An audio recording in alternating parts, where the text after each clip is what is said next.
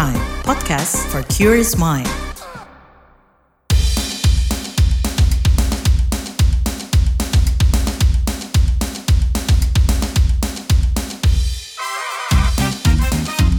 What's Trending KBR Pagi, siaran pagi radio paling update. KBR Pagi, siaran pagi radio paling update. Selamat pagi, apa kabar kalian semuanya di hari Selasa 18 April 2023. Kembali lagi saya Don Brady menjadi teman pagi hari kalian semuanya di What's Trending KBR Pagi pastinya.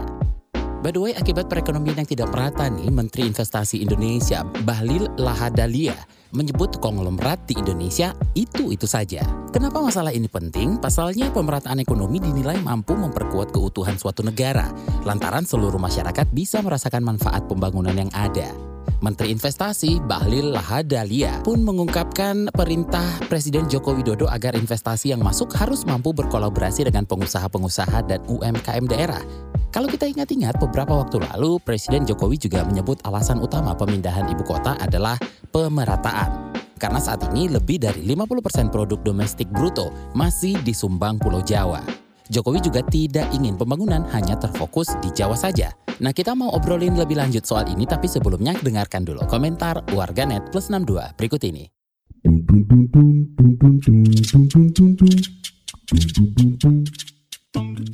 Pertama, at not XX capek banget hidup mau jadi konglomerat aja. At thanks XX. Kalau asli konglomerat atau old money ya pasti orangnya itu-itu aja karena orang yang punya harta banyak banget itu pasti minoritas dan biasanya uangnya itu turunan. Tapi orang kaya biasa di Indonesia juga banyak kok. Ada pengusaha makanan, konten kreator dan lain-lain. Semoga saya salah satunya. Amin. At Ani XX. Iya, negara gagal mengentas kemiskinan. Bahkan negaralah yang membuat rakyat ini makin miskin melalui berbagai aturan yang selalu berpihak kepada para konglomerat. At Doyong XX. Aku punya banyak tuyul, bukannya makin kaya malah makin bangkrut. At Ador XX berharap suatu hari nanti ada yang datang bilang, Selamat, kamu udah sukses menjalani ujian kemiskinan ini. Sebenarnya kamu itu keturunan konglomerat. At Jaya XX. Dari rakyat kecil bisa menjadi luar biasa dari orang kaya semakin kaya raya antara kecil dan kaya at Nona XX yang kaya semakin kaya yang miskin tetap fansnya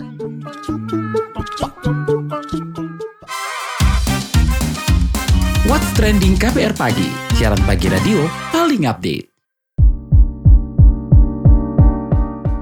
Kita lanjutkan obrolan kita pagi ini. Jadi Menteri Investasi Indonesia Bahlil Lahadalia menduga alasan kenapa konglomerat di Indonesia itu-itu saja lantaran masalah pemerataan ekonomi. Lebih lengkapnya kita dengarkan penuturan Menteri Investasi Indonesia Bahlil Lahadalia pada rapat koordinasi pembangunan pusat 2023 6 April 2023. Kita sekarang membuat kebijakan investasi itu harus merata untuk teman-teman daerah juga rasakan. Ibu Menkyu saya ingat waktu tahun 98 ikut mengambil bagian dalam menggagas reformasi. Waktu itu saya masih mahasiswa. Beberapa lah dosen-dosen ekonomi itu hebat-hebat lah dari UI itu, dari UI. Gagasannya cuma dua aja. Reformasi itu melahirkan dua keputusan besar. Keputusan politik, keputusan ekonomi. Politik, demokrasi kita seperti sekarang terlepas dari plus minusnya. Presiden sudah berganti, gubernur sudah berganti, menteri sudah berganti, anggota DPR sudah berganti. Saya pun kalau tidak reformasi tidak mungkin jadi menteri. Ya kan dari kampung gimana? Tetapi yang tidak berganti apa? Konglomerat. Itu-itu terus. Bertambah anak cucunya iya, berganti ke yang lain enggak. Kenapa? Karena memang ada kebijakan negara yang tidak konsisten untuk kita memfasilitasi mereka. Maka perintah Bapak Presiden adalah setiap investasi yang masuk harus mampu berkolaborasi dengan pengusaha-pengusaha daerah dengan UMKM daerah supaya kue ekonomi daerah itu betul-betul terjadi. Jangan orang Jakarta lagi, jangan lu lagi, lu lagi. Ini yang melahirkan ke, apa ya kecemburuan sosial. Gini rasio kita nggak bisa terwujud.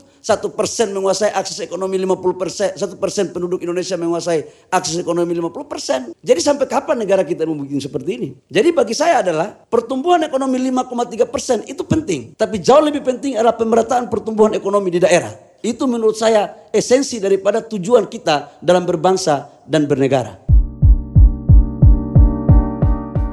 Nah rupanya salah satu momen yang mampu meratakan perekonomian di daerah-daerah adalah mudik.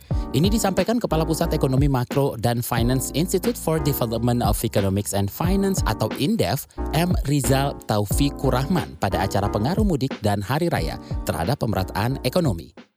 Jadi kalau bicara mobilitas maka ya pasti bicara konsumsi ya dan bicara konsumsi maka terjadi pergerakan harga. Nah, harga barang dan jasa bersama-sama maka akan mendorong inflasi. Itu ya logikanya. Kalau kita bicara pemerataan, maka seyogianya ya logikanya kan begini ya. Orang mudik ke satu provinsi ke provinsi lain dari Jawa Barat ke Jawa Timur atau dari kabupaten tertentu di Bogor ke provinsi lain, kabupaten yang lain. Mestinya kan bawa uang kan gitu yang di, yang dikeluarkan di sana. Belanja, beli bensin, kemudian juga yang mengkonsumsi makanan, minuman di sana ya seyogianya kan akan meningkatkan expenditure mereka gitu ya di, di lokasi di mana mereka mudik atau berhari raya. Mobilitas ya, mobilitas masyarakat ini ternyata e, mendorong ya harga barang atau pengeluaran pengeluaran masyarakat naik. Kalau pengeluaran masyarakat berarti kan konsumsi naik. Kalau konsumsi naik dengan barang tertentu misalnya jumlahnya laju laju penambahan barang tidak secepat dengan laju kebutuhan atau konsumsi maka itu berpotensi untuk menaikkan harga. Dan itu ya mekanisme pasar ya. Makanya e, harga harga barang uh, khususnya industri industri makanan dan minuman kontributor paling tinggi terhadap inflasi karena volatilitasnya juga tinggi. Nah, pertumbuhan ekonomi nasional juga kalau kita lihat ya karena ini bicara pemerataan ya, maka Jawa jauh lebih uh, paling tinggi nih pertumbuhan ekonomi ya dan mengkontribusi terhadap PDB nasional kita ya. Newsbeat. Sederet selebritas dikabarkan akan meramaikan penobatan Raja Charles III pada awal Mei mendatang. Dikabarkan Katy Perry, Lionel Richie, Take That, dan Andrea Bocelli akan tampil di konser penobatan Raja Charles III. Dikabarkan panggung akan digelar di Windsor Castle yang dapat menampung 20 ribu orang. BBC Studio yang ditunjuk memproduksi acara tersebut pun mengatakan masih banyak artis-artis dunia yang akan meramaikan konser tersebut. Konser ini digadang-gadang akan mencetak babak baru kehidupan bangsa dengan tema cinta, rasa hormat, dan optimisme. Untuk pertama kalinya Jepang membangun kasino legal di wilayahnya. Pemerintah Jepang dikabarkan telah menyetujui pembangunan kasino tersebut di wilayah Osaka. Tepatnya di Pulau Yumeshima, kasino yang rencananya dibuka pada 2029 mendatang hadir di sebuah resort di Pulau Yumeshima. Resort ini sendiri akan difasilitasi dengan tempat berjudi, hotel, teater, museum, pusat konferensi, pusat perbelanjaan, ruang pameran, terminal feri, hingga landas helikopter. Pemerintah Jepang pun disebut-sebut membidik keuntungan triliunan dari pembangunan resort dan kasino legal tersebut. Usai sukses berkolaborasi dengan Jimin BTS, Taeyang Big Bang kembali bikin heboh dunia K-pop dengan rencana duetnya bersama Lisa Blackpink. Lisa dikonfirmasi akan berduet dengan Taeyang di salah satu lagu dalam album terbarunya. Album ini rencananya akan dirilis pada April 2023. Tak hanya berduet, Lisa Blackpink juga akan tampil pada video musik dari member boyband Big Bang tersebut. Album solo Taeyang Big Bang akan dirilis pada 25 April 2023 pukul 18 waktu Korea Selatan atau sekitar 16.00 waktu Indonesia Barat.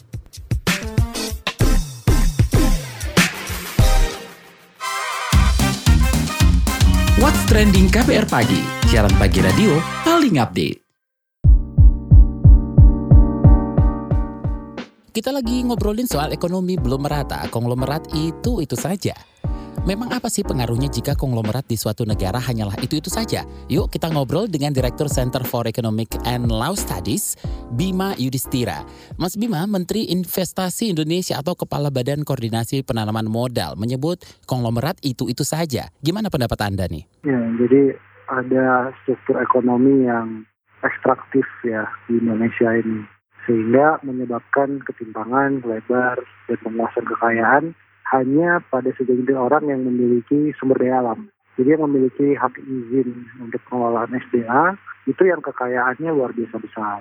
Dan tentunya kekayaan ini kemudian coba diwariskan turun-temurun dan ini eksklusif di sebagian gelintir orang kaya gitu. Jadi memang kalau ingin merubah struktur ekonomi kita menjadi lebih merata, lebih equal, kuncinya ada pada perubahan struktur lapangan usaha ekonominya.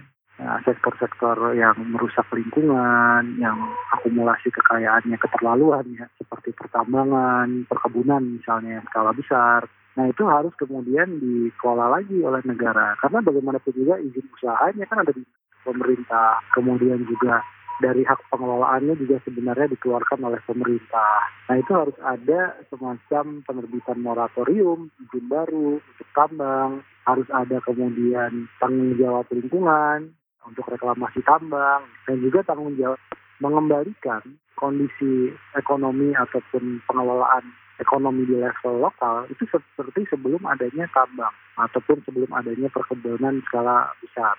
Nah, itu. Kemudian juga kalau kita lihat kenapa akumulasi kekayaan itu bisa terjadi terus-menerus, itu salah satunya juga karena ada ketimpangan dari segi belanja pemerintah. Jadi bayangkan minyaknya diambil, batu bara diambil, sumber daya alam nikel juga diambil, tapi dana bagi hasil yang dikembalikan ke daerah itu juga tidak optimal. Belum bicara soal level korupsinya. Nah itu yang kemudian harus ditata ulang otonomi daerah dalam hal pengelolaan dana anggaran. Dan yang terakhir adalah pajak bagi orang kaya. Jadi salah satu cara paling cepat juga untuk menurunkan ketimpangan akumulasi kekayaan para miliarder ini adalah dengan menerapkan pajak yang uh, ultra progresif. Bukan hanya pajak penghasilan, tapi juga pajak kekayaan. Misalnya dividen di saham, atau kemudian pajak bunga obligasi surat utang. Tapi spesifik bagi kategori mereka yang disebut 20% pengeluaran paling atas atau pendapatan yang paling atas. Nah, itu salah satu cara juga untuk mempercepat penurunan angka ketimpangan. Apa memangnya dampak pengaruh kalau konglomerat itu itu saja? Dampaknya pertama ya kalau ketimpangan itu cukup lebar, penguasaan akumulasi modal di tangan segelintir, maka efeknya tentu ada masalah sosial, ada masalah konflik sosial yang potensinya tinggi sekali atau resikonya tinggi sekali. Karena bisa dibayarkan ya, ada orang yang misalnya punya aset banyak, bolak-balik ke luar negeri, sementara nggak jauh dari situ tetangganya nggak bisa makan. Nah kalau itu terlalu ekstrim kan bisa jadi penjarahan, bisa konflik sosial, konflik horizontal juga di antara sesama masyarakat.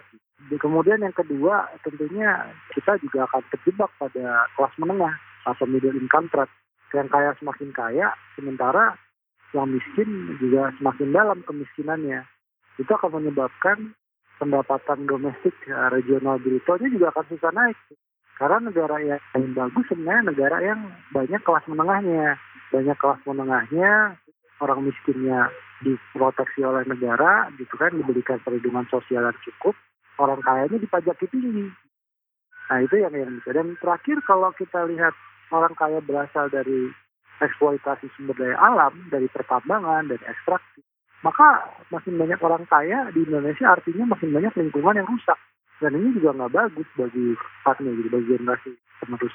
Apa yang jadi sebab kondisi tersebut? Apakah pemerataan pertumbuhan ekonomi di daerah jadi jawaban atas ini? Pertama, kalaupun ada investasi di daerah, investasinya pun dari luar dan ada yang disebut sebagai dana repatriasi investasi. Jadi misalnya ya contohnya di Morowali di Sulawesi. Begitu ada potensi nikel yang besar kemudian hilirisasi modal yang masuk mana? Modal dari negara lain dalam hal ini misalnya dari China.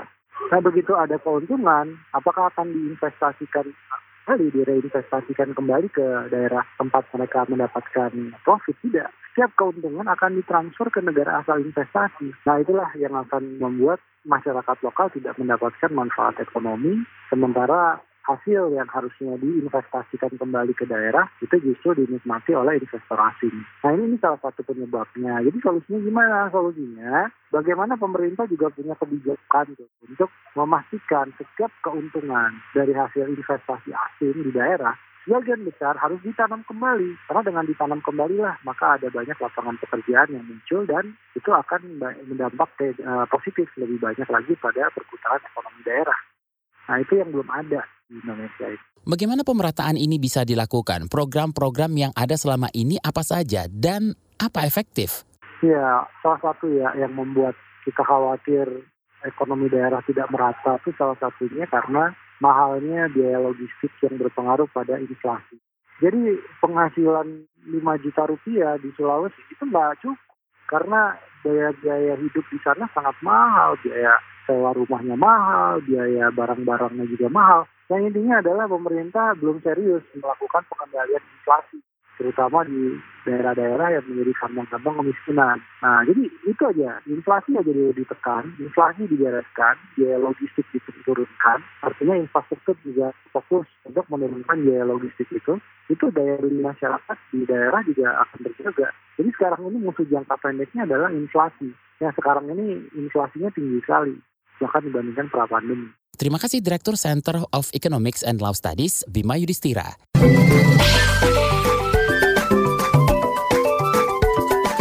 WhatsApp Indonesia.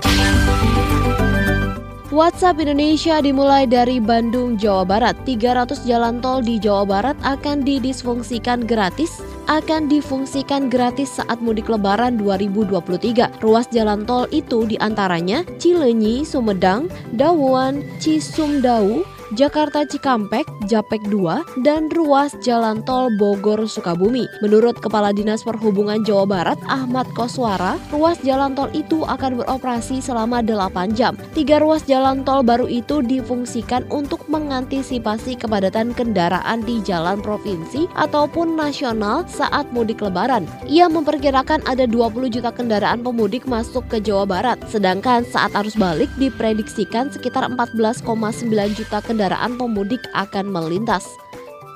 Selanjutnya menuju Jakarta, Kementerian Komunikasi dan Informatika terus memperkuat jaringan internet 4G dan 5G selama musim mudik 2023. Penguatan jaringan itu untuk mempermudah masyarakat mengakses informasi perjalanan selama mudik. Direktur Informasi dan Komunikasi di Kominfo, Septriana Tangkari mengatakan aktivitas mudik membutuhkan persiapan yang optimal salah satunya terkait jaringan internet. Kata dia menambahkan, pemerintah juga memberikan informasi perjalanan mudik mudik lebaran secara daring yang bisa diakses melalui alamat s.id slash mudik lebaran. Kanal itu memuat segala informasi secara real time, baik mengenai situasi lalu lintas, posko kesehatan, dan lain-lain.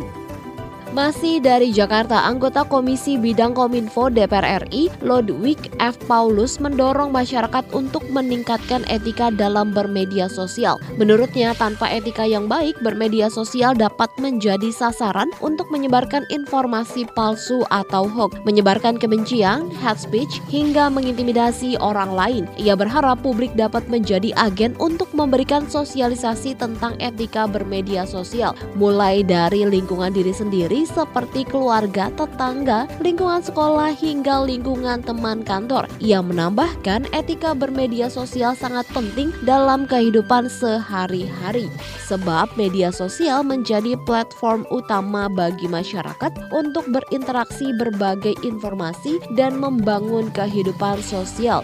Demikian WhatsApp Indonesia hari ini.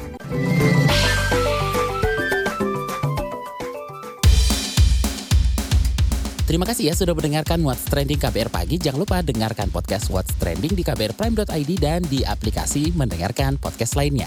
Don Brady pamit, besok kita ketemu lagi. Stay safe, bye-bye.